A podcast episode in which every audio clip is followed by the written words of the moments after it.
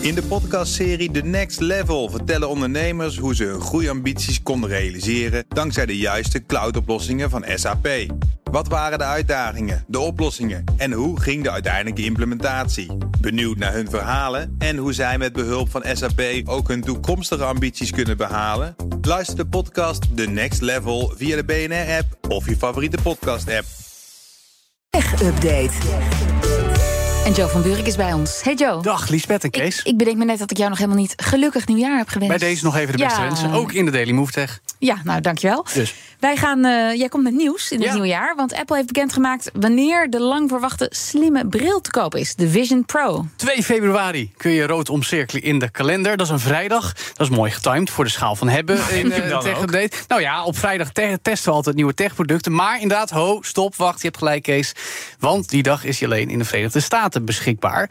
In de fysieke Apple stores en ook via de online winkel van Apple zelf. Bij die eerste moet je dan waarschijnlijk een afspraak gaan maken... om echt te laten passen en op maat te laten afstellen.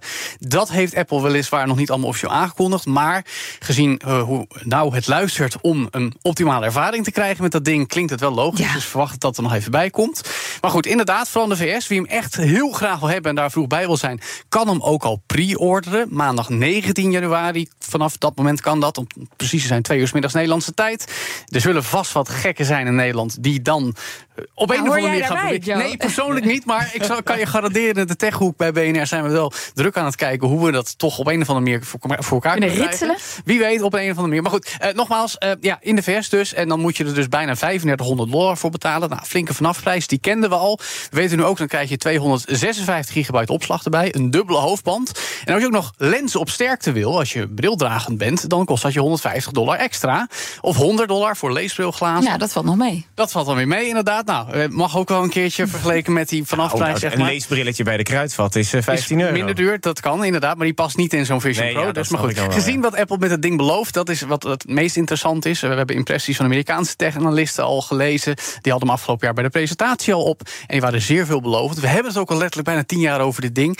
Eh, dus ja, eh, ik ben benieuwd wat er gaat gebeuren. Vanaf eh, 2 februari eh, gaan we dus eh, weten hoe de Apple Vision Pro nou echt in het gebruik is. Maar wat denk jij, Joe? Wordt dit een hype? Ga- Gaan we allemaal mensen zien die thuis op de bank zitten met een Apple Vision Pro Nee, op dat is nog te vroeg. Maar eh, het feit dat Apple zich nu hiermee bezig gaat houden... Hè, met mixed reality, spatial computing, zoals ze het zelf noemen... dat is echt wel een big deal. Het feit dat zij nu met dit fenomeen aan de gang gaan... eh, altijd zo'n hoge kwaliteit eh, eh, proberen te bereiken... dat wordt heel interessant. Maar geen rijen voor de Apple Store dus. Want je Nee, moet een afspraak maken. Precies, ik denk dat dat ook niet meer van deze tijd Dat- is. In ieder geval ah, niet met dit product. Ja. Ze hebben volgens mij ook volgens de geruchtenmolen... eh, maar een verwachting van 400.000 exemplaren... die verkocht gaan ja, worden. voor 3500 euro of dollar, dan ga je ook niet in de rij staan, Precies, toch? dat is met opzet een niche, denk ik. Maar daarom ook interessant. Door naar eh, diverse andere techreuzen, want die openen namelijk kantoren in Saoedi-Arabië. Ja, omdat dat land dat zelf heel graag wil. Of eigenlijk omdat als die bedrijven nog overheidscontracten willen krijgen... die heel veel geld opleveren... ze een hoofdkwartier in Saudi-Arabië Aha. moeten hebben. Want ja, dat soort lucratieve contracten wil je toch kunnen hebben. En dus hebben onder meer Amazon, het moederbedrijf van Google, Alphabet... en ook Microsoft nu die vergunningen gekregen. Dus ze gaan alle drie een regionaal hoofdkantoor openen. Ah, in een regionaal hoofdkantoor, Precies, ja. de Saoedische hoofdstad Riyadh. Ze gaan niet opeens verkassen uit Silicon Valley, uiteraard niet. Ehm, maar daarvoor hebben ze wel vergunningen aangevraagd en dus ook verleend gekregen. Uh, meldt persbureau eh, Bloomberg op basis van een database van de Saoedische overheid. Eh, naast die techreuzen doet ook grote cloud provider Oracle mee aan zo'n eh, constructie. Evenals niet-echt techbedrijven Airbus en Pfizer.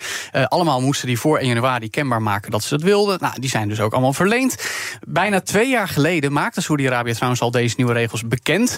Staatscontracten, eh, ja, daarmee willen ze economische lekkage, zal ik maar zeggen, beperken. Voorkomen dat als ze als land geld uitgeven, dat naar Amerikaanse beursgenoteerde bedrijven gaat. Dat het ook weer een beetje terugkomt bij bedrijven met een vestiging in hun eigen land. Nou, eh, nu is het ook nog vaak zo dat soort bedrijven naar Dubai gaan. Daar zijn de belastingen laag, veel faciliteiten. En het is dus een van de zetten van de kroonprins Mohammed bin Salman om ook ja, de economie in Saudi-Arabië een beetje te laten aantrekken. Want er is ook een belofte dat die bedrijven 30 jaar nauwelijks tot geen belasting te betalen. Nou, dan tot slot nog even terug naar de Verenigde Staten. Want daar gaat nu de grootste techbeurs van het jaar van start. De Consumer Electronics Show.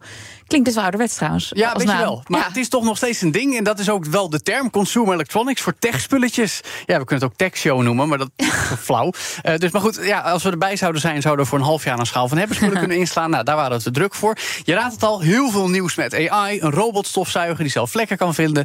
Verschil tussen vloeren kan zien. Intel komt met een interessante presentatie. Die is aangekondigd als AI Everywhere. Nou, iedereen duikt er bovenop. Het meest interessante is nog wel televisies.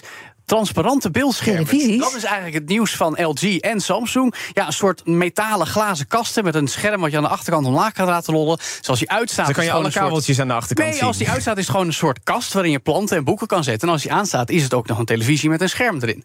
Dus Oh. ja. Nou, ik kan me er nog niet zoveel bij Nee, voorstellen. Nee, het is best lastig om het te zien. Maar als je Transparent TV nu opzoekt online met LG op Samsung, dan zie je het een beetje. Ik ben benieuwd wanneer we die in de schaal van hebben. hebben. Eh, maar goed, eh, de komende uren en dagen nog veel meer productnieuws vanuit Las Vegas. Ga je zeker ook morgenochtend collega Stijn over horen in de tech-update. Ik focus wel op die Apple Vision Pro. Ja, houd het in de gaten. Dankjewel, Joe van Buurik. De BNR Tech Update wordt mede mogelijk gemaakt door Lenklen. Lenklen. Betrokken expertise, gedreven innovaties. In de podcastserie The Next Level vertellen ondernemers hoe ze hun groeiambities konden realiseren dankzij de juiste cloudoplossingen van SAP. Wat waren de uitdagingen, de oplossingen en hoe ging de uiteindelijke implementatie? Benieuwd naar hun verhalen en hoe zij met behulp van SAP ook hun toekomstige ambities kunnen behalen? Luister de podcast The Next Level via de BNR-app of je favoriete podcast-app.